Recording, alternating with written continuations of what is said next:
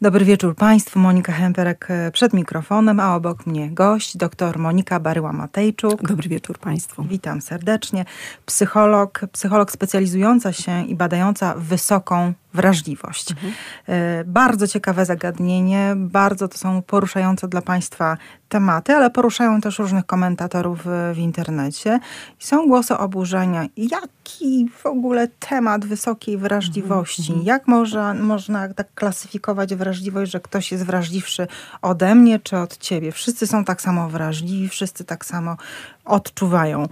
Czy rzeczywiście e, biorą Państwo jako badacze, mówię o środowisku międzynarodowym, bo mhm. bierzesz udział w międzynarodowym środowisku badającym wysoką e, wrażliwość, bierzecie pod uwagę coś takiego, że rzeczywiście wszyscy mogą być jednakowo wrażliwi? Mhm. Um kurczę, trudne pytania na sam początek. E, oczywiście nie bierzemy pod uwagę tego, że wszyscy mogą być tak samo wrażliwi, ale też myślę, że wielu komentatorów też nie bierze tego pod uwagę, że to wszyscy mogą być tak samo wrażliwi. Wiele wątpliwości zaczęła budzić e, tak zwana koncepcja wysokiej wrażliwości. I tutaj również z częścią tych rzeczy oczywiście się zgadzamy, bo tak to jest, że jak jakieś treści, jakieś słowa, jakieś określenia trafiają do popkultury, e, no to one trochę zmieniają znaczenie, czyli odbiegają od tego, co badawczo my określamy jako tak zwaną wysoką wrażliwość. Ponieważ nie ma czegoś takiego jak koncepcja wysokiej wrażliwości, natomiast jest bardzo dobrze obadana podstawa teoretyczna, która skłania do myślenia, wnioskowania o tym, że tak zwana wysoka wrażliwość istnieje. I co ja mam tutaj na myśli? Przez lata e, wiele prac badawczych podejmowało zagadnienie zróżnicowanej wrażliwości na bodźce wśród ludzi, ale nie tylko wśród ludzi, również wśród zwierząt. W związku z tym jednym z takich topowych, wiodących przeglądów, systematycznych przeglądów literatury, ale także metaanaliz doprowadziło do takiego podsumowania, złożenia koncepcji teoretycznych. Oni nawet mówią o tym modele wyjaśniających zróżnicowaną wrażliwość, takich, którym wspólnym punktem jest wniosek, że ludzie różnią się reaktywnością, czyli znowu kolejny konstrukt, i tym, że osób wysoko wrażliwych jest mniejszość.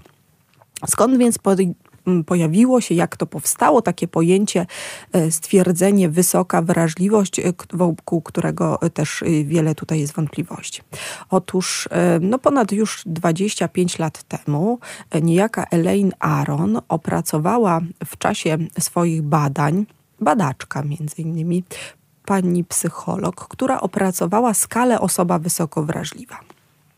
I od tej nazwy, skala osoby wysoko wrażliwej, czy Highly Sensitive Person Scale, powstało to określenie. Ono się zaadoptowało w wielu krajach, powstaje i badacze, którzy mm, zajmują się opisywaniem, różnicowaniem, którzy zajmują się wyjaśnianiem czy adaptacją tejże skali lub innych skal mierzących tak zwaną znowu wysoką wrażliwość w słowach klucz, czyli słowach, które mają wyróżniać te prace, pokazywać, jakim nurtem w badaniach się zajmują, używają określenia wys osoba wysoko wrażliwa czy wysoka wrażliwość.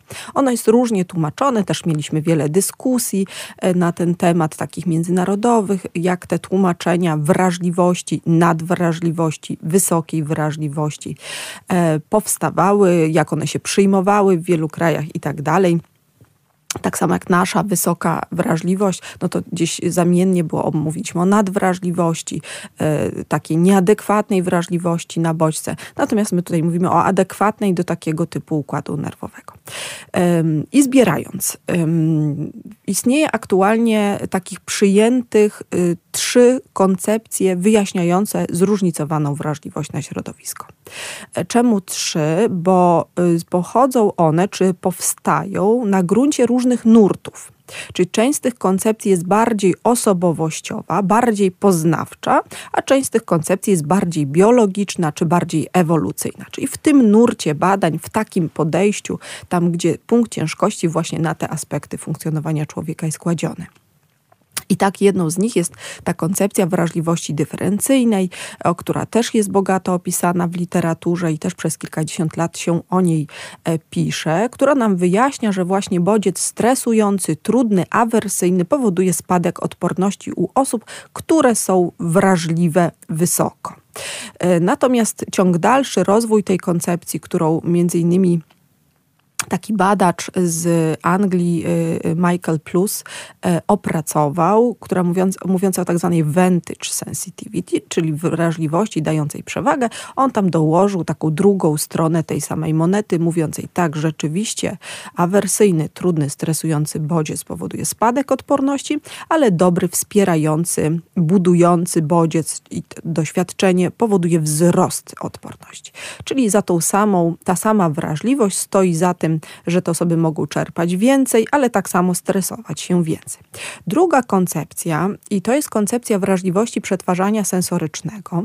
W książce popularno-naukowej tłumaczonej na polski, ona została przetłumaczona jako wrażliwość przetwarzania zmysłowego, natomiast wiemy, no to taka była, to jest taka książka popkulturowa, taka książka poradnikowa. Stąd no, trudno e, też niejednokrotnie badaczom odnosić się do książek takich popularno-naukowych, czy może nawet nienaukowych, y, ze względu na to, że posługujemy się nieco innym aparatem pojęciowym. Y, no i żeby mówić tym samym językiem, trzeba by było to samo przez to samo rozumieć, więc my tutaj tak trochę próbujemy to, to powyjaśniać.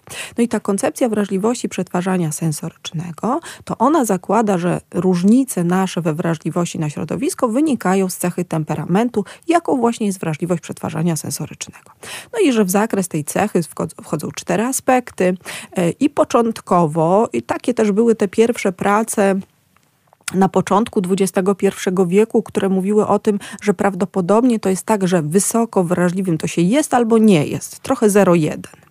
Natomiast dalsze prace, te prowadzone w Europie, ale też y, te rozwijające się między innymi na Uniwersytecie Kalifornia, pokazują, że prawdopodobnie y, my mamy mm, rozkład bliski normalnemu tej cechy w populacji, co oznacza najmniej osób jest nisko, najmniej wysoko, y, natomiast najwięcej jest osób przeciętnie czy średnio wrażliwych. I stąd osoby o wysokim nasileniu cechy wrażliwość przetwarzania sensorycznego nazywamy osobami wysoko wrażliwymi. I to aktualnie przyjęliśmy w badaniach tych naszych, ale też te e, brytyjskie, e, czy e, duńskie, czy niemieckie, one pokazują na właśnie te rozkłady. Między innymi Francesca Linotti, która też będzie tutaj u nas gościem w Lublinie, to mam nadzieję, że jeszcze będzie możliwość o tym kiedyś porozmawiania z panią redaktor, która będzie mówiła właśnie o wrażliwości na przestrzeni życia, jak to jest, czy z tej wrażliwości dzieci wyrastają, czy nie, także zaprosiliśmy ją na taki otwarty wykład.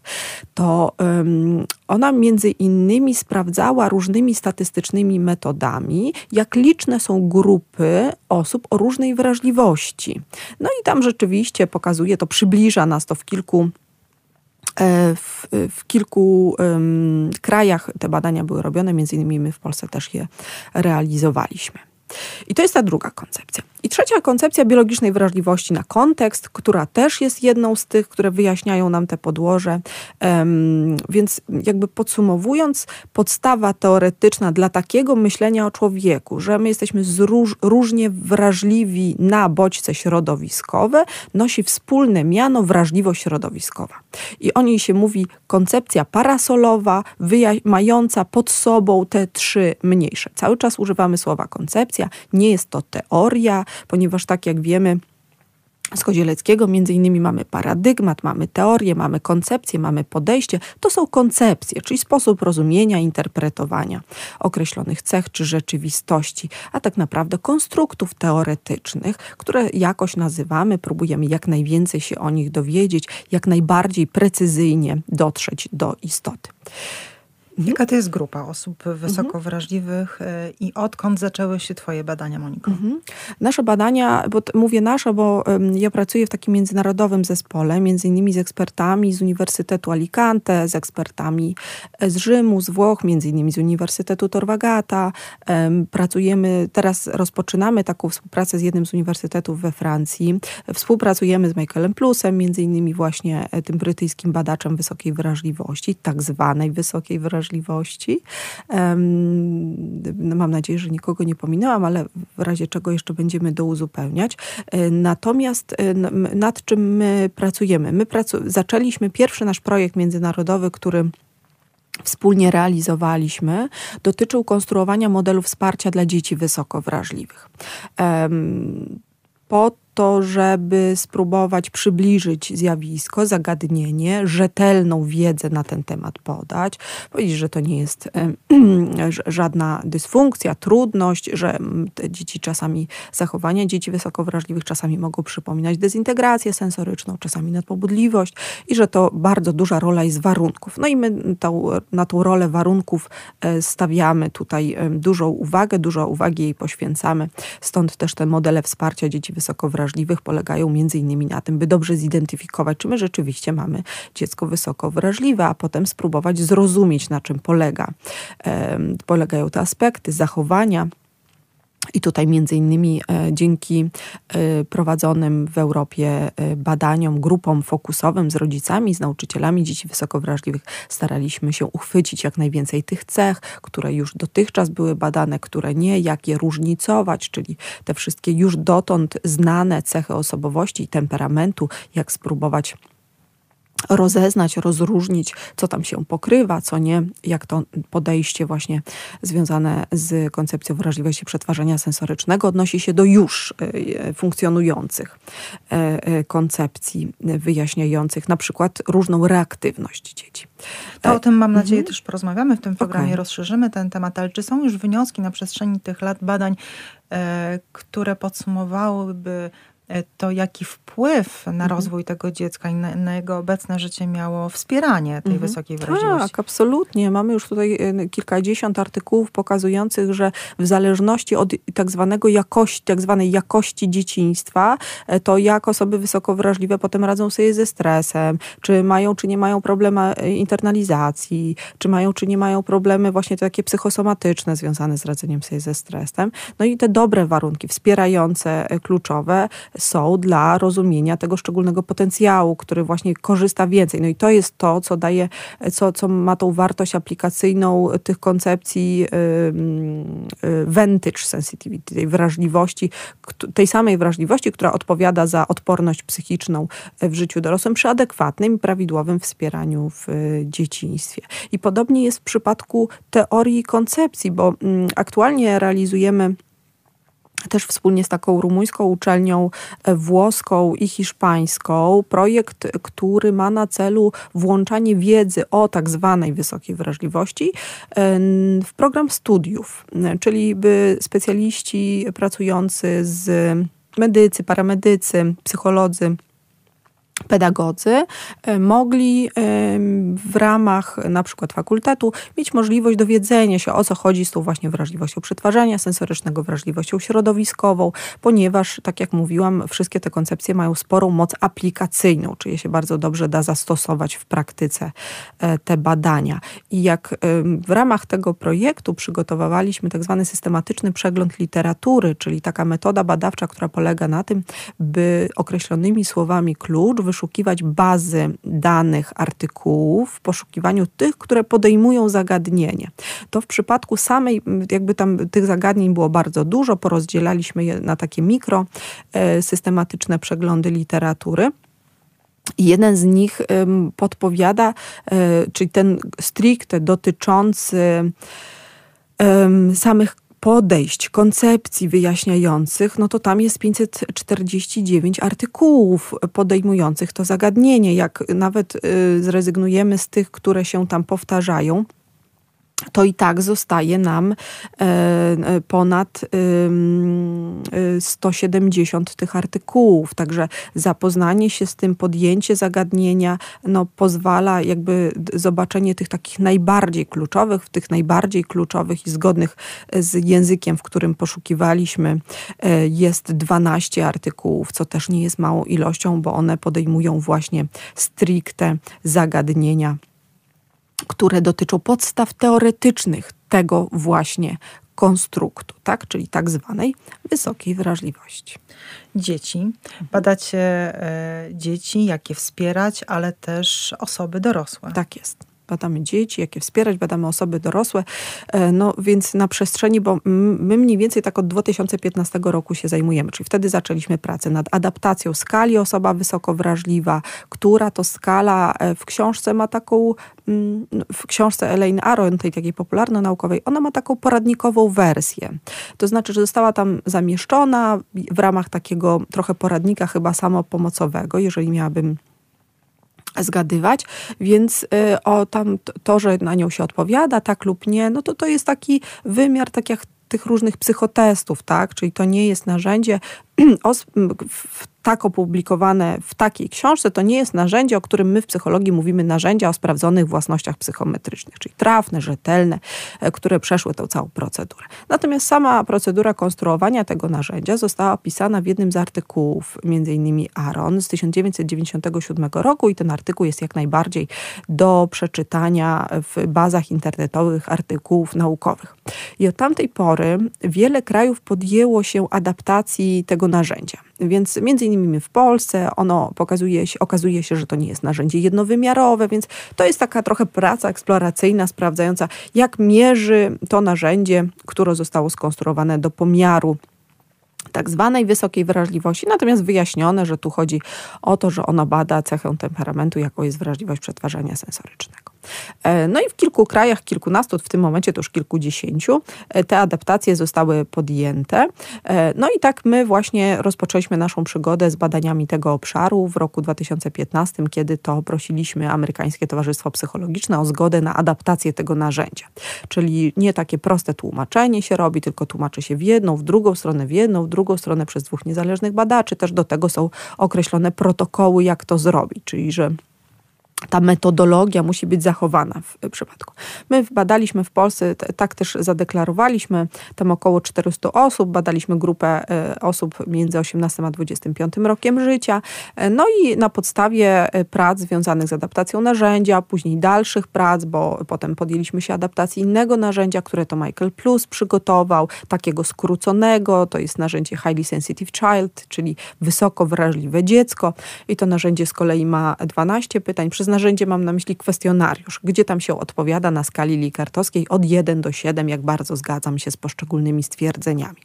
E, czyli takie narzędzie badawcze do badania cechy, no nie wygląda tak, że taki nie. Ono tak zostało opublikowane w książce, która jest książką popularno-naukową.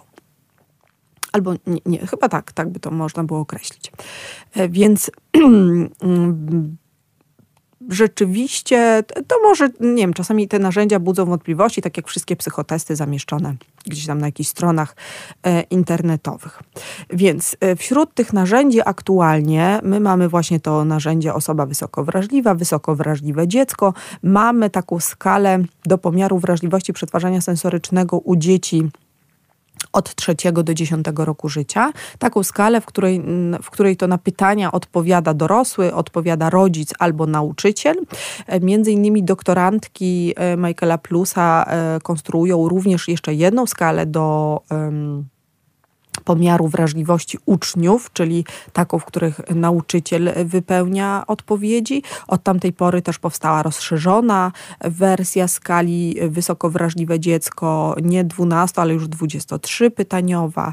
E, od tamtej pory też w takich e, zakrojonych na szeroką skalę badaniach w Stanach Zjednoczonych, w których też Franceska uczestniczyła, e, była podjęto próby mm, skonstruowania skali obserwacyjnej, czyli dla, tych, dla takich maluchów, dla młodszych dzieci do trzeciego roku życia. Więc w tym momencie tych narzędzi już jest trochę, czyli e, one też służą nam do dalszych badań. I takie to badania prowadzimy między innymi e, w jednym z projektów Promotion, e, Sensitive Career Management, w którym zwracamy uwagę przedstawicielom HR-ów, zwracamy uwagę doradcom zawodowym na to, że w przypadku wysoko wrażliwych uczniów warto wiedzieć o cesze w planowaniu kariery. Tak samo w przypadku wysoko wrażliwych pracowników warto mieć rzetelną wiedzę na temat cechy w planowaniu ścieżki kariery zawodowej, czy w planowaniu wsparcia, czy w planowaniu um, tego, w jaki sposób instytucja, pracodawca może pomóc pracownikowi i tak by jak najlepsze efekty dla niego i dla siebie uzyskać. Więc to jest ta jeden obszar. Drugi, o którym mówiłam, to są te badania e, i też taka praktyka, w której to staramy się właśnie przybliżyć tą rzetelną wiedzę. Nagrywamy wykłady, trochę e, przygotowujemy takiej biblioteki multimedialnej, z której to będzie można pobrać, przeczytać sobie te artykuły naukowe dotyczące właśnie tak zwanej wysokiej wrażliwości. E, będzie można, mm, postaramy się je podzielić w różne obszary, ponieważ no to są już tysiące artykułów, które prześledziliśmy. Część z nich, część tylko E, abstrakty, część zostały wybrane do dalszych analiz, więc to są mm, rzeczywiście spora grupa artykułów, które już teraz wiemy, że warto by było, by ktoś, kto się zajmuje wysoką wrażliwością, chce o niej poczytać więcej, jest ciekawy lub sam jest wysoko wrażliwy i chciałby się trochę więcej dowiedzieć, to żeby w tych artykułach naukowych, a nie szukając tej wiedzy takiej łatwo dostępnej i z tej chcemy uczynić łatwo dostępną, miał dostęp do rzetelnych informacji na temat. Gdzie takie informacje będziemy mogli odnaleźć? E, aktualnie funkcjonują takie dwie niezależne strony, bo to jest strona Promotion. Strona Promotion ma adres um, promotion. czyli promotion.wsej.eu. Wsei, czyli Wsei, uczelnia. tak. Moja uczelnia, w której pracuję, w której to właśnie zajmujemy się tym zagadnieniem, czyli Wyższa Szkoła Ekonomii i Innowacji w Lublinie. E, I druga strona to jest hs.wsej.eu, czyli znów w, w rozszerzeniu e, nazwa uczelni, a początek to jest HS po prostu, High Sensitivity. I tu mamy moduł do e, właśnie przygotowania. I najtrudniejszy adres mailowy który już tu pani redaktor mi kilka razy zwracała uwagę, że jest mało medialny. To jest właśnie highlysensitive.eu. I tutaj mamy tą wiadomości na temat wysokiej wrażliwości w projekcie dotyczącym dzieci, czyli gdzie tam konstruowaliśmy model dotyczący wsparcia dzieci wysoko wrażliwych od trzeciego do dziesiątego roku życia. On jest jak najbardziej przejrzysty i oczywisty, więc jak ktoś anglojęzyczny wpisze sobie tę nazwę, to od razu wyskakuje. E, więc ja na swoje my... usprawiedliwienie mam tylko to, że mm, miała być to strona międzynarodowa, stąd e, łatwiej w taki sposób było ją e, nazwę skonstruować. Popularyzujemy tę stronę, więc zapraszamy, bo rzeczywiście jest tam bardzo dużo ciekawych artykułów. Są podcasty, wywiady z osobami, które u, so, u siebie odnajdują tę wysoką tak. wrażliwość, tak której się kiedyś wstydziły, która sprawiała, że że czuły się nieśmiałe, inne, mhm. a zatem e, są osoby, które identyfikują się z tą wysoką wrażliwością. E, mówimy tutaj o artystach, bo e, z muzykami, z wokalistami tak, były tak. przeprowadzane rozmowy różnego rodzaju na ten temat, ale też z mamami, z dziećmi, z ludźmi różnych zawodów, różnych profesji. Mówiłaś też o ratownikach medycznych. Tak, więc... między innymi tak. Staraliśmy się przybliżać biografię, korzystając z tego wywiadu Makada Adams, staraliśmy się, e, Adamsa, staraliśmy się przybliżyć e, historię życia osób wysoko wrażliwych, jak to e, duże niezrozumienie i małe wsparcie w tych takich trudnych momentach, niezrozumienie w ogóle cechy, specyfiki jej mogło wywrzeć no, znaczny wpływ na, na pewne decyzje czy zmiany w funkcjonowaniu i życiu. Mamy wywiady, podcasty z między innymi z Mietkiem Szcześniakiem, który opowiadał o tych swoich doświadczeniach również w szkole, jak to było, jak on się mierzył z tą swoją głębokością przetwarzania, wrażliwością estetyczną. Kiedy to jeszcze nie nazwano tego tematu. E, tak, kiedy to raczej się ludziom e, ko kojarzyło z no właśnie takim nie, nieadekwatnością, nie, niedobrze się kojarzyło jakimś neurotyzmem. Delikatnością. E, delikatnością, taką zbyt delikatnością, takim, taką wrażliwością w rozumieniu skłonnością do zranień, że to raczej taki słaby człowiek niż zobaczenie w tym cechy jak każdej innej. A to bardzo mocny człowiek. E, dokładnie, więc mamy wywiad z Natalią Niemen, która też pięknie się dzieliła tymi swoimi doświadczeniami, między innymi dla mnie zawsze poruszający ten fragment, kiedy mówiła o nauce gry na pianinie, na fortepianie, gdzie, gdzie E, no, mierzyła się z tą krytyką, a najbardziej tą krytyką własną, tą wysoko postawioną e, poprzeczką. Więc no, ta wiedza rzetelna, czym rzeczywiście jest wrażliwość, a czym nie jest, e, wydaje się być tutaj bardzo potrzebna. Mamy tam metodę biograficzną, mamy trochę takich pytań i odpowiedzi na krótkie zagadnienia, w których to staramy się przybliżyć nauczycielom i rodzicom takie podstawowe rzeczy, o które pytali zazwyczaj w czasie grup fokusowych, czyli na przykład, czy dziecko z wrażliwości wyrośnie w końcu, już e, czekając na to z niecierpliwością, albo czy e, to dziecko to jest nieśmiałe, czy to jest to samo, co nieśmiałe, albo czy to dziecko wrażliwe to jest e, właśnie to samo, co dezintegracja sensoryczna. I też, też, czy to znaczy, że ono już pozbawione jest odwagi, bo ono długo czeka, zastanawia się, zanim wejdzie w daną sytuację. Więc rzeczywiście tak jest, że sporo tam udało nam się zgromadzić materiału, Między innymi te e, dwa narzędzia, o których mówiłam, czyli kwestionariusze, które mogą przybliżyć, e, tak rozeznać się w, w CESZ-ie dla rodziców, dla nauczycieli. E, między innymi też takie filmiki edukacyjne, taką trochę psychoedukację, która przybliża, jak może funkcjonować dziecko wysoko wrażliwe w klasie, w grupie społecznej, jak to z adaptacją przedszkolną jest, że tam też takie rzeczywiście niektóre uniwersalne treści się pojawiają. No i co? No i zapraszamy do e, po, poprzyglądania się, po zapoznawania się z tymi treściami na stronie. Zaraz przybliżymy mm, ten temat wysokiej e, wrażliwości, powiemy, jakiej grupy dotyczy tak naprawdę mm, to zagadnienie. Myślę, że nas wszystkich tak naprawdę, wysoko wrażliwych, e, niewysoko wrażliwych, ale jaką grupą są ci wysoko wrażliwi, przynajmniej co wynika z tych badań, ale teraz zagramy chwilę oddechu i wracamy po przerwie. W studio Radia Lublin dr Monika Baryła-Matejczuk, e, psycholog, badaczka tzw. Tak wysokiej wrażliwości. E, badają w grupie międzynarodowej z naukowcami z całego świata od wielu lat. E, Lublin i w SEI, czyli uczelnia, w której pracuje dr Monika Baryła-Matejczuk, słynie z badania wysokiej wrażliwości. Zacznijmy zatem od początku. E, wytłumaczmy tym, którzy mm, spotykali się z tym określeniem po raz pierwszy, albo tym, którzy krytykują. E, istnieje, podważają istnienie e, mm, wysokiej wrażliwości.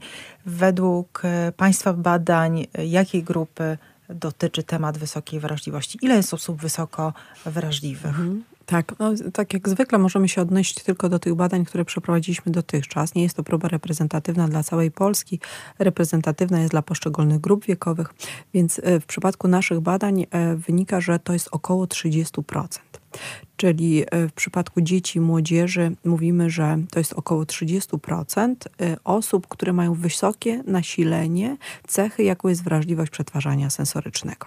My w tym momencie też staramy się e, przeprowadzić normalizację kwestionariusza skróconej wersji skali osoba wysoko wrażliwa, ponieważ w polskiej wersji jest to um, kwestionariusz skrócony.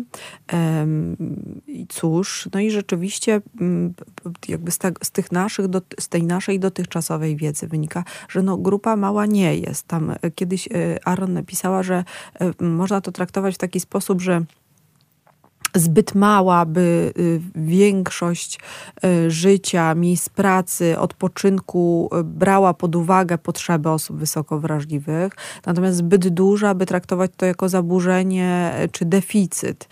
Więc no tutaj blisko tego jesteśmy, że rzeczywiście tak jak w przypadku niektórych cech temperamentu, o tym nasileniu takim wysokim czy niskim mówimy właśnie w przypadku około 30% y, osób, czyli mniej więcej 30% to jest na przykład młodzież, która przejawia cechy, które mierzone są właśnie tym narzędziem. Co by to oznaczało? Oznaczałoby to, że prawdopodobnie ich wrażliwość na bodźce ze środowiska jest wyższa to znaczy intensywniej i szybciej reagują na zmiany, na to, co się wokół nich dzieje, co oznacza, idąc dalej, że ich emocjonalność też jest większa. To znaczy, że y, tych emocji jest więcej, one są intensywniejsze, tam w trzech. Y, wymiarach to badaliśmy, czy to wzbudzanie emocji, kontenerowanie ich, bycie w tych emocjach i radzenie sobie z tymi emocjami, zarządzanie emocjami i radzenie sobie już właśnie pod wpływem trudnych emocji. My staraliśmy się w grupach fokusowych rozdzielić e, albo wyróżnić, zobaczyć specyfikę funkcjonowania dzieci wysoko wrażliwych, e, teraz mówię o dzieciach, w trzech sferach, w czterech sferach funkcjonowania, czyli w sferze tej fizycznej, której to właśnie zwracaliśmy uwagę na to, co zwiąże, wiąże się z ciałem, w sferze emocjonalnej, w sferze interpersonalnej i poznawczej. W tej sferze fizycznej. Hmm, to, co rodzice najczęściej sygnalizowali, to była właśnie takie większa wrażliwość na światło, na ból, na głód. Dzieci de dezorganizowały się, jak czuły y, y, głód. On był taki nie do zniesienia, albo one same bardzo mocno emocjami reagowały właśnie w sytuacji głodu. To jest też taka większa wrażliwość skóry, gdzie te drapiące metki są bardziej drapiące albo nie do zniesienia, a w tej sytuacji przestymulowania to i też szwy w rajstopach czy skarpetach są nie do wytrzymania. Więc ja tak mówię ogólnie, natomiast niektóre pytania dotyczące e, właśnie określonych reakcji okazały się mocniejsze, lepiej różnicujące daną grupę, niektóre słabsze, ale tak ogólnie mówiąc, to chodziło właśnie tej wrażliwości z, róż, z poziomu różnych zmysłów, tak? Czyli mamy tutaj i wzrok, i że e, niektóre panie przedszkolanki opowiadały, że to jest tak, że te, nawet te dzieci mają ze sobą okulary przeciwsłoneczne, ponieważ jakby to światło mocno e, intensywnie działa, że um, właśnie i, i hałas, czyli to wszystko, co powoduje taką reakcję na dystraktory, na to, co właśnie trudne, na co za głośne, za tłoczne, za dużo tego chaosu. I to za dużo pojawia się znacznie wcześniej niż u innych dzieci. Czyli jak sobie myślimy, czy to jest dużo, czy niedużo, no to e, niektóre też pytania konstruowaliśmy w taki sposób, że w, w porównaniu do rówieśników albo w kontekście rówieśników. Bo każde dziecko e, na przykład ma jakąś cechę, natomiast to jest wszystko kwestia nasilenia, tak? czyli takiego intensywności e, przeżywania. Więc no to w sferze fizycznej e, analizowaliśmy, analizowaliśmy w sferze emocjonalnej, tak jak mówiłam, w przypadku emocji, e, sposób, jakby ten próg wzbudzania emocji, łatwość wzbudzania emocji, tam to ease of excitation z angielskiego, jeden z wymiar skali, która tego właśnie takiego łatwego pobudzenia dotyczy moglibyśmy też powiedzieć reaktywności. Um, więc to, to o tych emocjach, o tym, że to i to, ten obszar emocji był najtrudniejszy dla rodziców i dla nauczycieli. Mówią, najtrudniej nam radzić sobie z emocjami dziecka, stąd najwięcej tutaj na tym, e, w tym wymiarze, czy w tej sferze najwięcej trudności doświadczali. No i też ta mała akceptacja emocji dziecka powodowała, że ono też się poczuło często wyobcowane, e, czy jemu po prostu było trudno, mm, bo te emocje jego były nieakceptowane. I tak jak rozmawialiśmy rozmawialiśmy, że czasami to było tak, że dziecko zaczęło płakać, a potem płakało tylko dlatego, że zaczęło płakać, już nie pamiętając zupełnie o tym e, powodzie. Więc jak ten próg jest niższy, to też ilość tych e, emocji jest e, większa, one są intensywniejsze, często właśnie takie zaskakujące nawet dla samego dziecka, a trudne dla otoczenia. Temat wysokiej wrażliwości wśród dzieci pojawił się z tego tytułu, że zgłaszali e, go rodzice, czy też e, nauczyciele, przedszkolanki.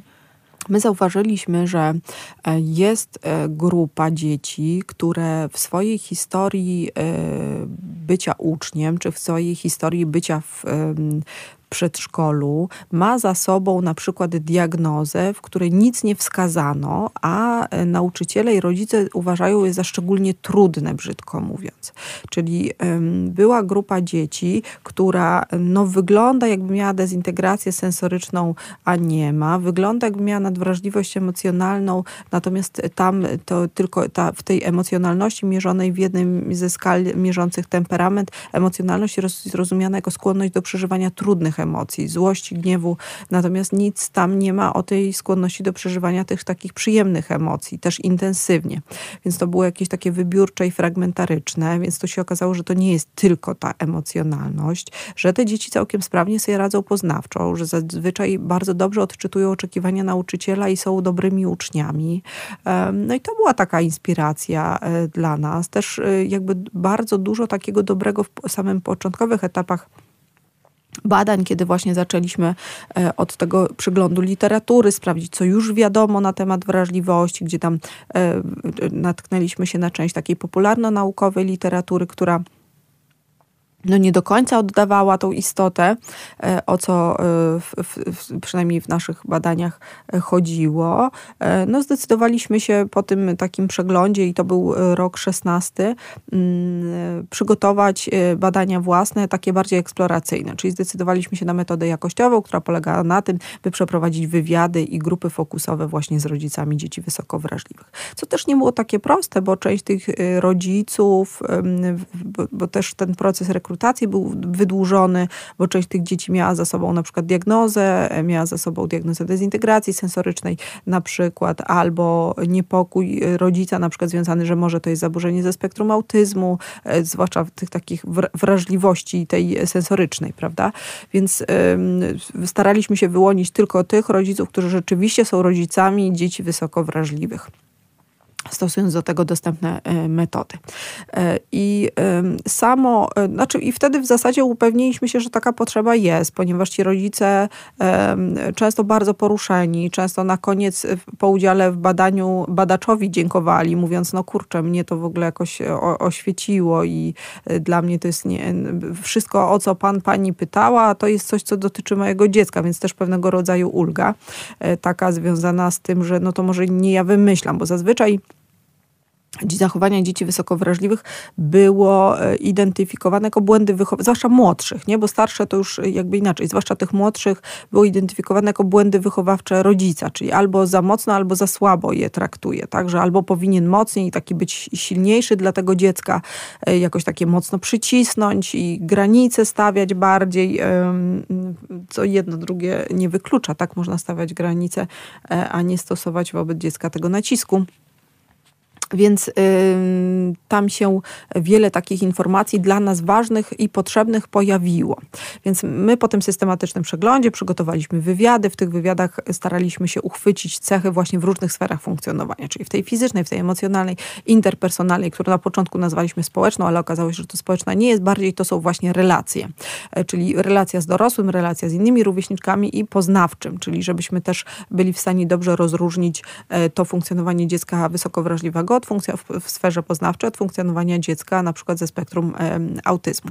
Więc e, te wywiady dały nam e, i grupy fokusowe dały nam taki dobry materiał do dalszych analiz i też takie przekonanie, że to ma sens. To znaczy, zauważaliśmy, że rzeczywiście wymyka się gdzieś ta grupa i ona często potem będzie na przykład trafiać dla osób, które będą korzystać z pomocy psychologicznej, pomocy e, psychiatrycznej, e, pomocy psychoterapeutów, e, dlatego że właśnie na różnych etapach czasami coś tam poszło nie tak, co jest w ogóle jak najbardziej wskazane i fajne. Natomiast trzeba o tym wiedzieć, że mm, jakby moje trudności nie wynikają wynikają z mojej dysfunkcji, tylko z tego, w jaki sposób ja pracuję ze sobą, ze swoją cechą e, i z czym ona się wiąże. Czyli taki trochę, żeby ta, ta pogłębienie samoświadomości w takim znaczeniu nie usprawiedliwiania siebie, bo nie o to chodziło, ale w znaczeniu zrozumienia lepszego siebie, zrozumienia lepszego swojego dziecka. Y, mówiłaś o badaniach, które potwierdzają, że można e, umiejętnie wspierać takie osoby wysoko wrażliwe i to przynosi wymierne korzyści. A zatem warto by było też wspomnieć o tym, e, jakie negatywne e, skutki złego postępowania w dorosłym życiu mogą spotkać taką osobę wysoko wrażliwą, która była niezrozumiana w dzieciństwie. Mm, tak. Mm, I tu też rzeczywiście podzieliliśmy te badania e, na dwie grupy, ponieważ z tej samej wysokiej wrażliwości, z której mogą wynikać trudności, to tej, z tej samej wysokiej wrażliwości mogą wynikać e, korzyści. E, I tutaj między innymi staraliśmy się uchwycić wybrać y, te takie najbardziej nośne badania i opublikowane w wysoko y, punktowanych czasopismach, które dadzą nam podstawę do tego, byśmy wnioskowali czy my rzeczywiście z tą wysoką wrażliwością e, do czynienia mamy i jakie są, powiedzmy sobie, daleko idące lub blisko idące konsekwencje związane z e, wysoką e, wrażliwością. No i tych badań rzeczywiście jest kilka. Kilka takich, które my często cytujemy, do nich się odnosimy, a kilkadziesiąt takich, które odnoszą się. I, i przez długi czas też tak było, że dużo badań pokazywało tą ciemną stronę wrażliwości, czyli z tą, ta, i ta głębokość przetwarzania, i ta większa emocjonalność, reaktywność emocjonalna bardziej, e, że ona wiąże się właśnie z e, trudnościami, z problemami różnego rodzaju. Natomiast też ta nowy grunt badań, nowe może nie wiem, obszar badań, obszar podejmowanych, który dodał też tą jakość dzieciństwa, on nam po prostu bardzo dużo wyjaśnił. Więc z licznych badań wynika, że chociaż sama wysoka wrażliwość nie jest zaburzeniem, to osoby, które wychowują się, czy spędzają czas, czy no jakby doświadczyły tych trudnych, niesprzyjających warunkach, w przypadku nich ta wrażliwość może korelować z licznymi trudnościami. I tu mamy między innymi problemy internalizacji. Mamy lęk.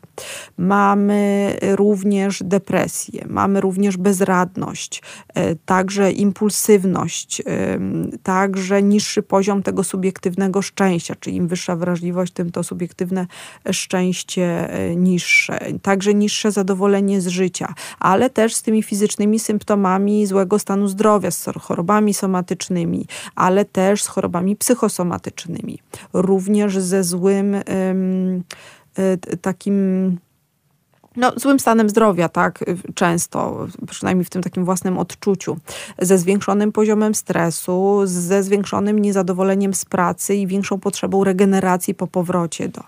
E, I, Czyli mówimy, przepraszam, o takim dysfunkcyjnym środowisku, w którym takie dziecko wzrasta. Tak, że okazało się, że ono, mhm. jest, ono ma znaczenie, tak, że ono będzie miało znaczenie dla późniejszego porównania osób wrażliwych z mniej wrażliwymi w poszczególnych aspektach funkcjonowania. Te mniej wrażliwe z tego samego środowiska lepiej, lepiej tak, będą dawać tak. radę Albo będą miały niższe nasilenie tych objawów depresyjnych, albo będą miały niższe nasilenie lęku, e, więc tak to wygląda. Natomiast ta sama wrażliwość, e, czyli ta wrażliwość przetwarzania sensorycznego ma znaczenie nie tylko dla zrozumienia nieprzystosowania, czy trudności, czy ryzyka późniejszej dysfunkcji, bo myśmy nie wskazali wrażliwości jako ten czynnik e, kluczowy dla późniejszych dysfunkcji. To nie o to chodzi. Chodzi bardziej właśnie o to środowisko i to, że ta wrażliwość ma także znaczenie dla zrozumienia optymalnego rozwoju, czy nawet e, szczególnego rozwinięcia potencjału w pozytywnym środowisku. I tu też mamy liczne badania, że wrażliwość koreluje z pozytywnymi aspektami funkcjonowania, takimi jak możliwość właśnie indukcji tego pozytywnego nastroju, ze zwiększonymi kompetencjami społecznymi w interakcji z pozytywnymi stylami rodzicielskimi z obniżoną depresyjnością, obniżonym poziomem doświadczania przemocy czy wiktymizacji na skutek pozytywnej interwencji, czyli programy profilaktyczne prowadzone w grupie dziewcząt w Anglii w grupie dziewcząt wysoko wrażliwych przynosiły lepsze rezultaty i dłużej niż w przypadku innych. Ze zwiększoną też aktywnością e, ośrodka e, nagrody w odpowiedzi na pozytywne bodźce, takie jak tam były uśmiechnięte twarze partnerów, ogólnie pozytywne emocje, tak zwane pozytywne emocje. Tutaj Bianka Akawedo, która też opublikowała książkę Wysoko wrażliwy mózg, bardzo fajnie to wyjaśnia. Z większą kreatywnością, e, też skala skala osoba wysoko wrażliwa korelowała z uczuciami podziwu w jednym z badań, ze zwiększoną przyjemnością ze znaczenia w życiu, mm, z uzdolnieniami, to też potwierdzamy to w naszych e, polskich badaniach. Więc określenia, które stosowano na wrażliwość, czyli ta emocjonalność, neurotyczność, introwersja czy skłonność do zranień, to angielskie vulnerability, i też te potoczne określenia, nadwrażliwość, bycie przewrażliwionym, płaczliwość, czy niezaradność, czy marudność, czy właśnie te błędy wychowawcze, okazało się, że to nie wyjaśnia wszystkiego i to jest tylko pewien e, aspekt funkcjonowania, natomiast nie istota e, wysokiej e, wrażliwości, bo we wrażliwości Aaron między innymi, a potem też w kilku badaniach myśla, jakby rozmawiając, analizując ją, starała się zwrócić uwagę na tą właśnie głębokość przetwarzania. I tutaj też mamy te badania z głębokości, płytkości przetwarzania przez licznych autorów, że ta łatwość ulegania przestymulowaniu, ten niski próg potem, jak się okazało, ta reaktywność emocjonalna, emocjonalna i ta wyczulenie na subtelności, na subtelne bodźce. Natomiast też warto zwrócić uwagę, że te aspekty, które wskazano, ona wskazała jako te, które wskazują na to, czy człowiek jest wysoko wrażliwy, czy nie jest, to potem w narzędziu pomiaru nie znalazły swojego odzwierciedlenia.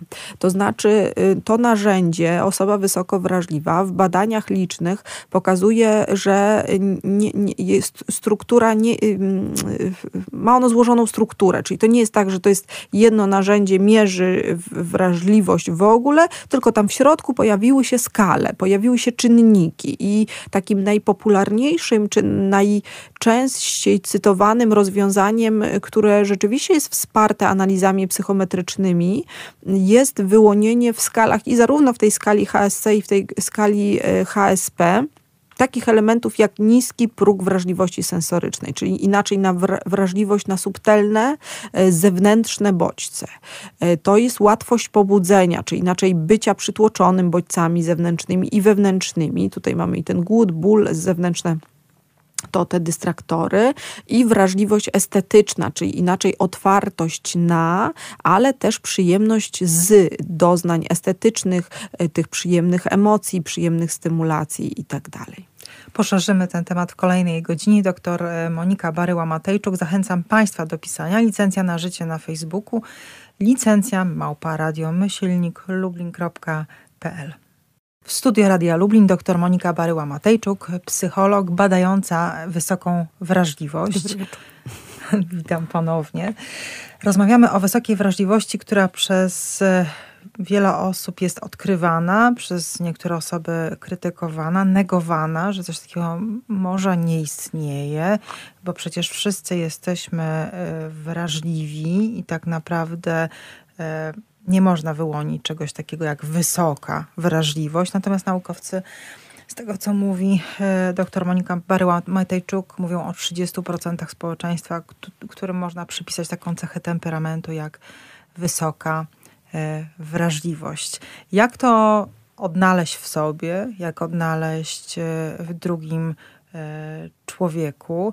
Mnie z tych wszystkich rozmów, które odbyłam z Tobą, kojarzy się ta wysoka wrażliwość z dużą empatią i Moja pierwsza myśl, kiedy spotkałam się z takimi krytykami, że mm, wyśmiewaniem wręcz tej wysokiej wrażliwości, e, to była taka myśl, że osoba wrażli e, wysoko wrażliwa by czegoś takiego nie zrobiła, bo ona ma empatię i próbowałaby dociekać, dostrzec e, w tym jakieś e, duże e, drugie dno, a już na pewno nie próbować dotknąć tej grupy, która właśnie jest mm, mm. uważana za wrażliwszą, bo jeśli nawet bym się nie godziła z tym, że taka grupa istnieje, no to z szacunkiem Mhm. jednak i delikatnością mhm. bym się z tą grupą, grupą obchodziła.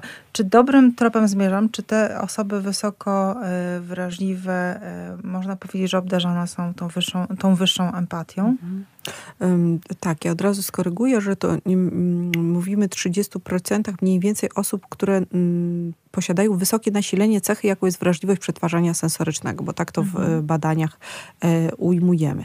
Natomiast jednym z aspektów tej wysokiej wrażliwości jest emocjonalna reaktywność połączona z empatią. I tak to autorzy nazywali, natomiast my w badaniach dzieci zdecydowaliśmy, że e, jest to raczej współodczuwanie niż empatia, ponieważ no, empatia zawiera w sobie ten komponent poznawczy. Trzeba wiedzieć, że e, to czyjeś, a nie moja. U dzieci raczej to jest takie po prostu bardzo to intensywnie przeżywam i czuję. W związku z tym u dorosłych e, często to współodczuwanie dziecięce przeradza się w tą umiejętność empatii. Tą, którą tam Rogers mówi, no to ta umiejętność właśnie w cudzą sytuację, w cudze życie, wejścia bez e, porzucenia własnego, czyli e, taka, taki sposób na popatrzenie przez zobaczenie w, w cudzych butach. Jak Wczucie on się, Tak, tak. Mhm. Natomiast bez porzucenia siebie, nie? Czyli to nie jest tak, że ja płaczę razem z tobą, natomiast mnie wzrusza i potrafię sobie wyobrazić, jak to może być dla ciebie e, trudne. Więc to głębokie doświadczanie emocji i ta reaktywność emocjonalna i to umiejętność współodczuwania no, powoduje, że ta chęć, nie wiem, skrzywdzenia, czy e, wrzucenia komuś, czy dotknięcia prawdopodobnie będzie mniejsza, ponieważ no, ja potrafię się wyobrazić, jak tobie może być trudno. Ja potrafię sobie wyobrazić, jak powiedzenie czegoś takiego będzie dla ciebie bolesne. W związku z tym przeżywam to też e, intensywniej, bo te reakcje są intensywniejsze. Więc no, idąc tym tropem, rzeczywiście no, ta e, s, bardziej brzydko mówiąc, e, osoby o wysokim nasileniu e, wrażliwości będą skłonne być ofiarami niż katami. Bardziej będą e, przeżywały różnego rodzaju sytuacje, a no, ta emocjonalność, empatia, głębokie doświadczanie emocji, czy czasami zależność emocjonalna, no chroni je przed tym, by komuś krzywdę y, wyrządzić. Um, więc nie wiem, czy odpowiedziałam na pytanie. Jak najbardziej tak. Natomiast interesuje mnie, jak te osoby wysoko wrażliwe, które e, Państwo badają, mhm. E, do tej swojej wysokiej wrażliwości podchodzą. A, to bardzo różnie. Zresztą część tych wywiadów, które prowadziliśmy, bo też szukaliśmy takich osób, które identyfikują u siebie cechę i już ją rozeznały jako swój potencjał, czyli wiedzą, że to jest jakiegoś rodzaju ich zasób i że z niego można korzystać. To tak jak bardzo złożonego sprzętu, że ja wiem, że taki mam i już się nauczyłem go obsługiwać ja wiem, że potrzebuję odpocząć po trudnym dniu, że siebie nie e, przegrzewam, że siebie nie traktuję źle, że z szacunkiem podchodzę do tego, że moja męczliwość jest większa i tak dalej. Z takimi osobami rozmowa zazwyczaj e, przebiega e, w taki sposób, zresztą no, my tam już mamy tą strukturę wywiadu, natomiast w przypadku tych planów zawodowych i tak dalej, ona jest bardzo dużo treści z niej wynika, ponieważ te osoby zazwyczaj wykazują się bardzo dużą refleksyjnością. E, czasem jest to takie przez analogię, czasem stosują metafory, czasami starają się jak najlepiej oddać to, co jest w środku, bo to jest takie złożone życie wewnętrzne. To jest to właśnie taka umiejętność tego różnych łączenia, niuansów, się wydaje wszystko właśnie być bardzo y, ważne. Więc y, to jedna strona. Natomiast osoby, które dziś nie nauczyły się jeszcze akceptować tej swojej wrażliwości, no traktują to jako balast, jako y, karę, jako coś trudnego, że czasem by się, że one wiedzą, że cieszy je bardziej niż innych piękno sztuki, natury, potrafią z niego korzystać. Natomiast mówią, ja bym z tego wszystkiego zrezygnował, bo ja nie daję rady, jest mi trudno, z samym sobą jest mi trudno. To czarnowictwo moje własne, wyobrażanie sobie różnych rzeczy, przewidywanie przewidywanie różnych negatywnych konsekwencji jest bardzo trudne. I to są zazwyczaj osoby, które nie spotkały się w życiu z akceptacją, e, które e, jakby nie doświadczyły takiego autentycznego przyjęcia ich, powiedzenia, no tak, każdy z nas jest inny, ty masz tak, natomiast one mają w sobie często bardzo dużo krytyki rozwiniętej. Na bazie tego też mogą się różnego rodzaju trudności, dysfunkcje rozwijać i tutaj też z powodzeniem rzeczywiście wsparcie psychologa może być, e, czy e, psychoterapeuty e, może być pomocne. Więc no, to była istota tych naszych działań, żeby zauważyć, że to cecha jak każda inna i że ten kulturowy ideał człowieka, bo mamy teraz taki trochę ten kulturowy ideał człowieka, no myślę, że to się zmienia na przestrzeni lat, że my go z, ze sztuki, kultury przenieśliśmy do biznesu biznesu, czyli to jest taki po prostu, to jest taka osoba, która się tam łokciami rozpycha, która mm, bardzo jest taka przebojowa i która nie czeka w kolejce i nie przeprasza, tylko wpycha się pierwsza i w ogóle bierze co chce i wychodzi.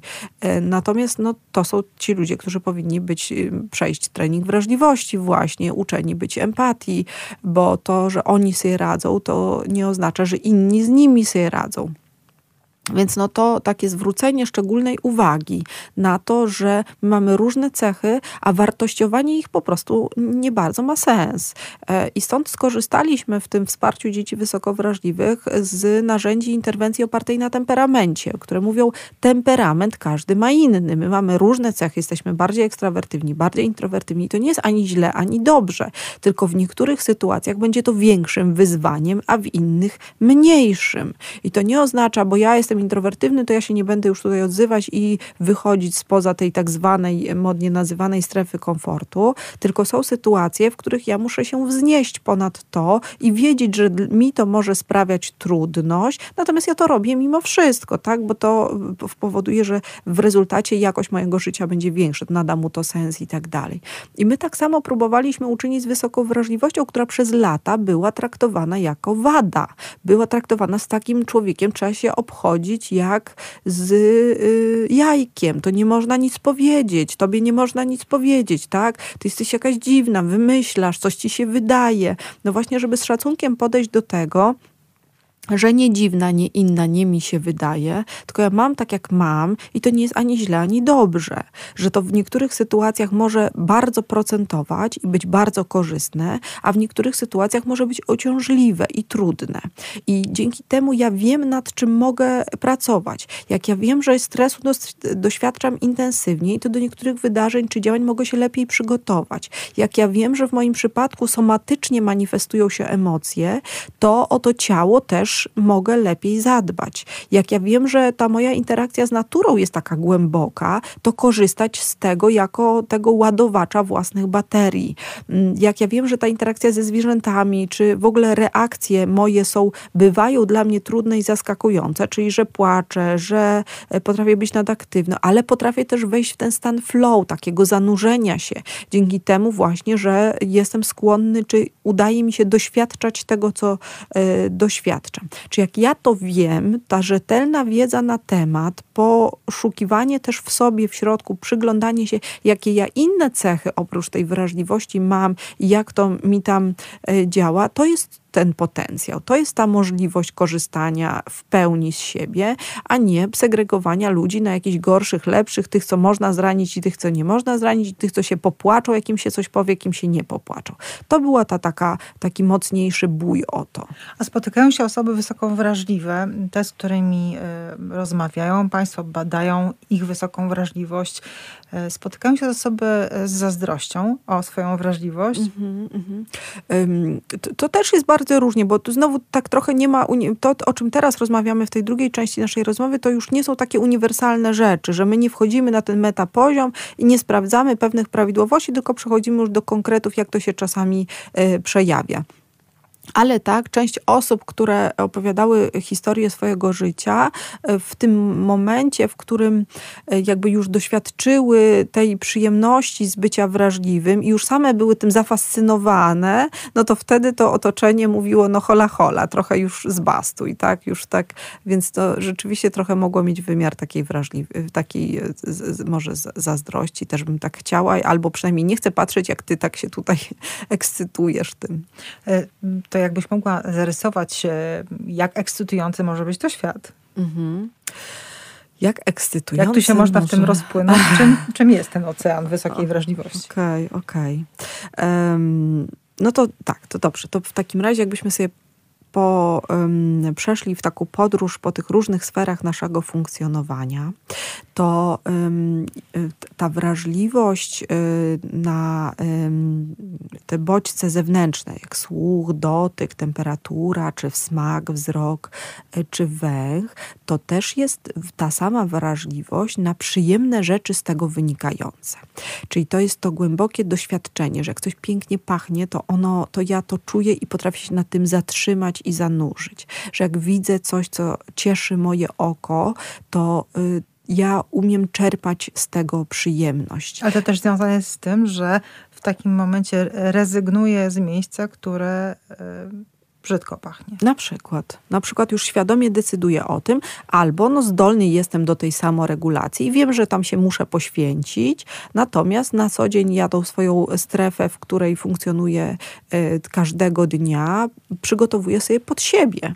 Tak, żeby też się cieszyć, żeby to było ładne miejsce. Bo rozmawiałyśmy o takiej mhm. y, tematyce, o dzieciach, które wchodzą do muzeum, oglądają obrazy, które y, są datowane na 300 300-400 lat. E, i one mają swój zapach. Muzeum pachnie. Tak jest. I są dzieci... dzieci, które nie odczuwają tego zapachu, a są takie, które natychmiast wychodzą, tu śmierci. Tak, że bo im, mhm. brzydko mówić, wali we wszystkie zmysły, mhm. nie?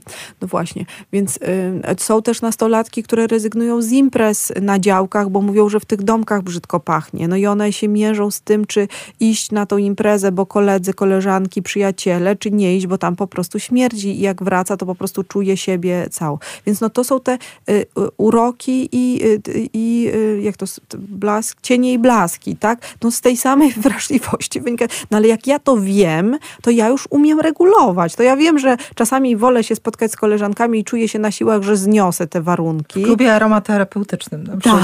Tak.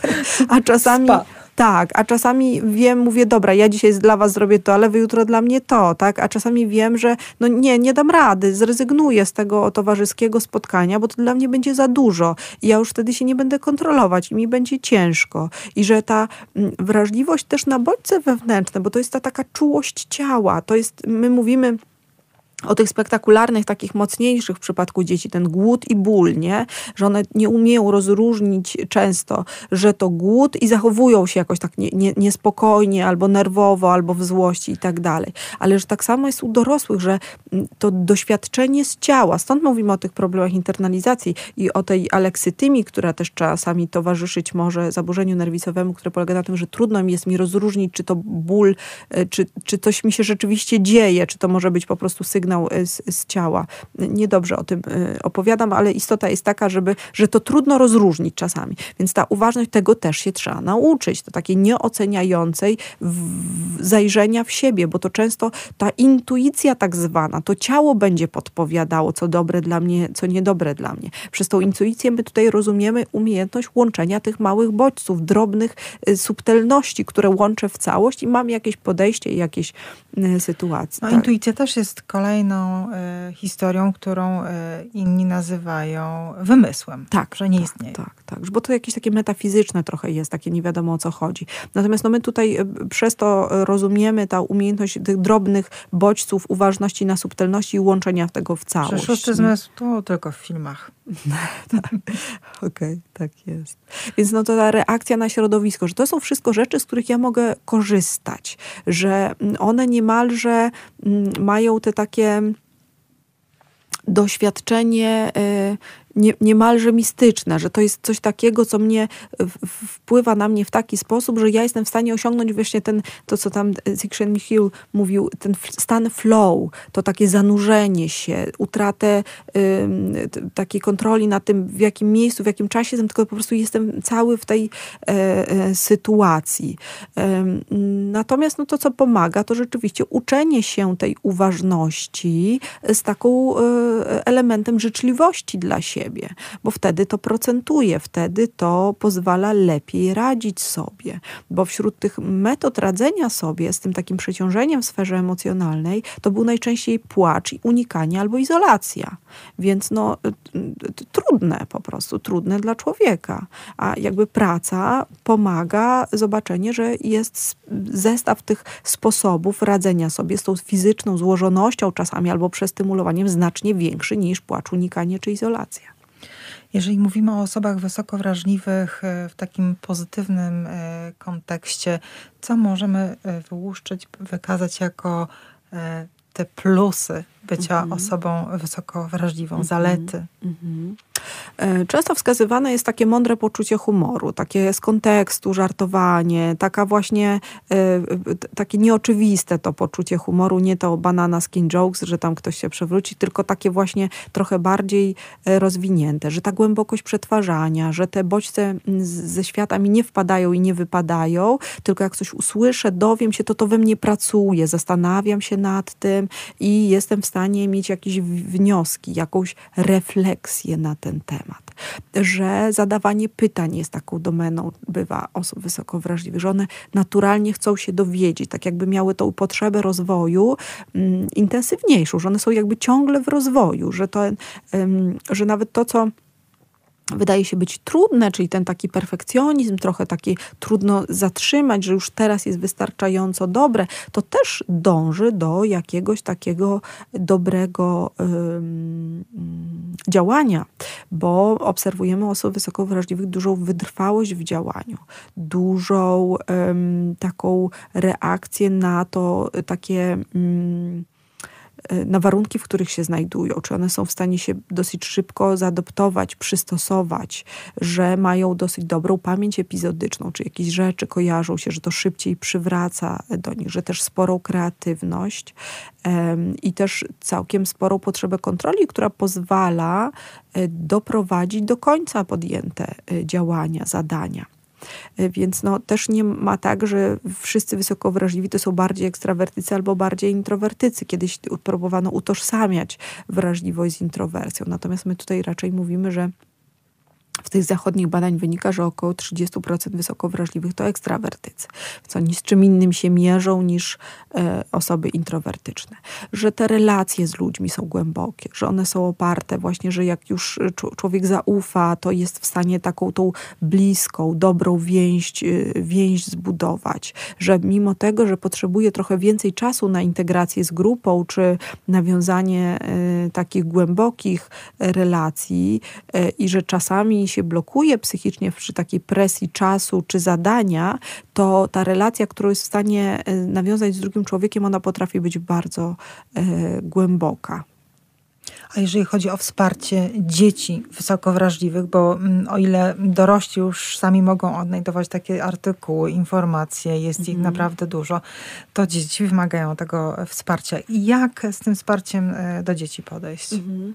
No my tutaj mamy, w ogóle patrzymy na to w kategoriach profilaktyki czyli w ogóle nie tylko dzieci wysoko wrażliwych chcemy, mamy taki plan, wyjąć dzieci wysoko wrażliwe z klasy, coś z nimi zrobić i oddać do klasy, tylko pracować z wszystkimi ludźmi, bo oni widzieli, że my mamy po prostu różne cechy temperamentu. Stąd jakby stosujemy tą interwencję opartą na temperamencie. No i staramy się stosować, korzystać z różnych podejść profilaktyki, czyli to z takim w podejściu poznawczym, w którym zakładamy, że jak człowiek pozna i zrozumie fakty, to on wtedy sam podejmie decyzję, zaprzestania określonych niekonstruktywnych działań. I tutaj to jest to informowanie. Czyli pracujemy z dorosłymi, mówiąc im o tym, że jest taka cecha, że ona nie jest zaburzeniem, że y, może w niesprzyjających warunkach y, dawać się we znaki, być trudnością, że w sprzyjających może być potencjałem, że mm, założyliśmy, że wiedza rodzica czy innych znaczących dorosłych, takich jak nauczyciele, wychowawcy, pedagog szkolny, opiekunowie, na temat cech temperamentu w ogóle, w tym cechy y, związane właśnie z wrażliwością przetwarzania sensorycznego, będzie niejako mm, prowokowało konstruktywne oddziaływania wychowawcze, czyli tworzenie warunków do rozwoju, czyli sprzyjać będzie temu rozwojowi pozytywnych postaw wobec dziecka. Nie mówienie, ty jesteś dziwny, inny, a zobacz, jak tutaj Adaś się ładnie bawi, a ty tutaj tak siedzisz, tylko e, próby uchwycenia tego, co w dziecku dobre. I sama wiedza na temat różnych cech temperamentów już jest czymś ważnym, bo to jest ten aspekt poznawczy. Drugie podejście afektywne, zakłada w profilaktyce, zakłada, że odpowiednio wysoka i stabilna samoocena, czy umiejętności rozwiązywania problemów, czy takie w ogóle umiejętności życiowe y, pomagają w unikaniu dysfunkcjonalnych zachowań. Czyli znów, wszystkie dzieci, takim fila, filarem wspierającym jest praca z dziećmi nad adekwatną samooceną, redukowanie wstydu przeżywanego często przez dzieci wysoko wrażliwe, takie mądre dyscyplinowanie i uczenie się o tej własnej wrażliwości, czyli mm, uczymy dzieci o tym, że każdy z nas posiada jakieś właśnie swoje mocne, słabe strony, te rzeczy, nad którymi jeszcze powinien popracować, a te, które już teraz są dla niego e, potencjałem. Więc my mówimy o tej pracy właśnie z adekwatną samooceną, o redukowaniu tych trudnych emocji, e, tego wstydu, poczucia winy, które często się u dzieci pokazują właśnie w ogóle tych silnych emocji, nie? Więc tutaj pracujemy z tą samoregulacją. No i pracujemy nad tą uważnością u dzieci, czyli takiego podejścia nieoceniającego, ale zwracającego uwagę na Więc pracujemy z samoregulacją, czyli jak to zmniejszyć wpływ cechy na zachowanie, pracujemy z uważnością, rozmawiamy o wrażliwości, staramy się tutaj to mądre dyscyplinowanie wprowadzać. My mamy dosyć dużą popularność tych metod behawioralnych, natomiast one są dosyć nisko skuteczne w grupie dzieci wysoko wrażliwych. Stąd no to w pracy z dziećmi wysoko wrażliwymi to podejście humanistyczne zorientowane na akceptację, autentyczność, empatię się dużo bardziej sprawdza. E, I w tym trzecim podejściu, takiej normatywnej edukacji, które właśnie opiera się na założeniu, że ludzie przeceniają powszechność zachowań dysfunkcjonalnych i doświadczanych trudności. Więc biorąc pod uwagę taki ten model, który my konstruowaliśmy, wsparciem dla opiekunów dzieci wysoko wrażliwych, zwłaszcza ich rodziców, mogły, mógłby być kontakt z innymi osobami, które sprawują opiekę, czyli takimi grupami trochę wsparcia. Dlaczego? Dlatego, że to, co często się pojawia e, w tych takich historiach, opowieściach rodziców dzieci wysoko wrażliwych, to, że inni mówią, on sobie w życiu nie poradzi. Jak ty sobie poradzisz, że dziewczynka płacze na przykład w szkole średniej, a nauczyciel mówi, jak ty sobie na studiach poradzisz o z takim. Albo e, dziecko płacze, to sobie w życiu nie poradzisz. To życie to jest straszne, takie trudne, takie tam mm, wszystko się będzie takie straszne działo, a ty taki nieodporny psychicznie to sobie nie poradzisz. Natomiast no właśnie ta delikatność pomaga zbudować większą odporność psychiczną, więc już tak się nakręciłam na to wsparcie, więc to też, bo dlatego, że dużo jest takich krzywdzących też przekonań, więc to projektowanie wsparcia wysoko wrażliwych dzieci nie polega na modyfikacji cechy, że świadomość prac nie zakłada ingerencji w cechę, przyjęcia jej jako trudność czy problem, e, w którym trzeba sobie poradzić, ale zapewnieniu warunków, w których dzieci wysoko wrażliwe, tak jak samo jak wszystkie inne dzieci, będą miały równe szanse rozwinąć swój potencjał. Czyli przygotowując dorosłych opiekunów, do takiego adekwatnego wsparcia y, trzeba zwrócić uwagę na zadania rozwojowe, które mamy dla wieku przedszkolnego, wczesnoszkolnego i dla wieku adolescencji, bo my wspieramy do czegoś, więc na różnych etapach ta wrażliwość może być trudnością w realizacji zadań rozwojowych, a nie w ogóle trudnością. E, dziecka. Jak delikatność wspiera odporność e, psychiczną? No właśnie, no, to, to jest ten pomysł taki, że jak się mocno dziecko przyciśnie, to ono potem będzie odporniejsze. Natomiast no, wielokrotnie jest to jednak zranienie. Ta delikatność polega na tym, taka życzliwość w kontakcie polega na tym, że my nie rezygnujemy z granic. My staramy się e, zrozumieć, pomóc dziecku zrozumieć, zaakceptować i tworzymy warunki do rozwoju, a nie y, warunki y, inkubatora, albo nie warunki, które będą tak trudne, żeby to dziecko się wzmocniło, naprzewracało się i tak dalej. My na to pozwalamy nie y, staramy się tutaj obić y, pianką wszystkich przedmiotów, natomiast robimy to z życzliwością i w kontakcie ze swoimi emocjami. Czyli my sami możemy być dla dziecka y, modelem tego, jak sprawnie samoregulować się, jak kontrolować emocje, jak zarządzać emocjami, jak być z tymi emocjami w zgodzie, a nie musić ich wypierać, a potem tam się nagromadzą i się rozreguluje nam. Nie? Mhm. Żyjemy y, w trudnych czasach. Y, za granicą y, Polski wojna. My też żyjemy w dużym napięciu, poczuciu zagrożenia. Więc temat wysokiej wrażliwości, w ogóle temat wrażliwości nie jest tematem abstrakcyjnym. Nie. Wyobrażasz sobie osoby wysoko wrażliwe, empatyczne, które wszczynają y, wojnę, które napadają w tak bestialski sposób na nie, innych nie, ludzi? Nie, nie wyobrażam sobie, ale wyobrażam sobie osoby wysoko wrażliwe, które stoją za postępem cywilizacyjnym, które potrafią zobaczyć coś z metapoziomu i podjąć y, mądre decyzje, które nie działają y, pod wpływem emocji, tylko są pod wpływem emocji i z tych emocji korzystają, żeby podjąć dobrą, właściwą decyzję, a nawet czasami y, robić to bardzo szybko. Wyobrażam sobie, że głębokość przetwarzania i umiejętność wczucia się w cudzą krzywdę jest czymś, co pomaga mądrze decydować na różnych poziomach y, władzy. Trudno jest mi sobie wyobrazić, że ktoś, kto głęboko przetwarza, ktoś, kto jest w stanie współodczuwać, ktoś, kto jest w stanie um, odczuć, wyobrazić sobie konsekwencje. Wyobrazić sobie daleko idące konsekwencje, jest w stanie podejmować takiego rodzaju działania. Jak osoby wysoko wrażliwe odczuwają to, co się teraz mhm. dzieje. Mhm. Tam w, w, Ukrainie, tu w Polsce, na świecie. Tak, no to pierwszym takim zadaniem była próba ochrony siebie, więc też takie bardzo ważne, żeby nie korzystać czy nie sprawdzać wszystkich maili, cały czas nie maili, tylko informacji w mediach, cały czas, żeby chronić siebie, żeby być na bieżąco, natomiast żeby to miało charakter bardziej aktualizacji, a nie ciągłego bycia i śledzenia, bo to współodczuwanie, e, to um, bycie z tymi osobami w krzywdzie może być niezwykle męczące, że może być tak obciążające, bo pamiętajmy, to jest szerszy kontekst wrażliwości środowiskowej. To jest tak, jak y, te analogie, które Boyce stosował do kwiatów, do, do mleczy, do orchidei, że jak warunki zewnętrzne są trudne, to ta, niektórym kwiatom trudniej zakwitnąć, y, y, trudniej rosnąć, a są takie kwiaty, które wyrosną wszędzie i zakwitną wszędzie. Więc no, pierwszym podstawowym zadaniem było poradzenie, poradzenie sobie z tym takim trudnym współodczuwaniem. To było chronienie siebie w takim znaczeniu, co ja mogę zrobić, jeżeli chcę coś zrobić, nie mieć wyrzutów sumienia, jeżeli nie chcę, no ale być jakby człowiekiem w tej całej sytuacji i rozumieć y, sytuację, na ile ona jest możliwa do zrozumienia. Mhm.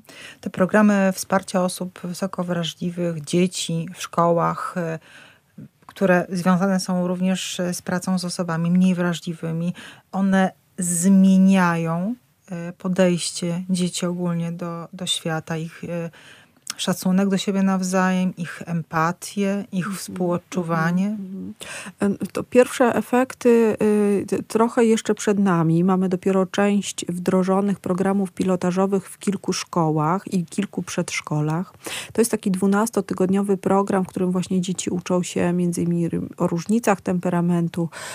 Y, cała klasa, tak? Cała grupa y, przedszkolna czy szkolna uczą się o tym, jak to E,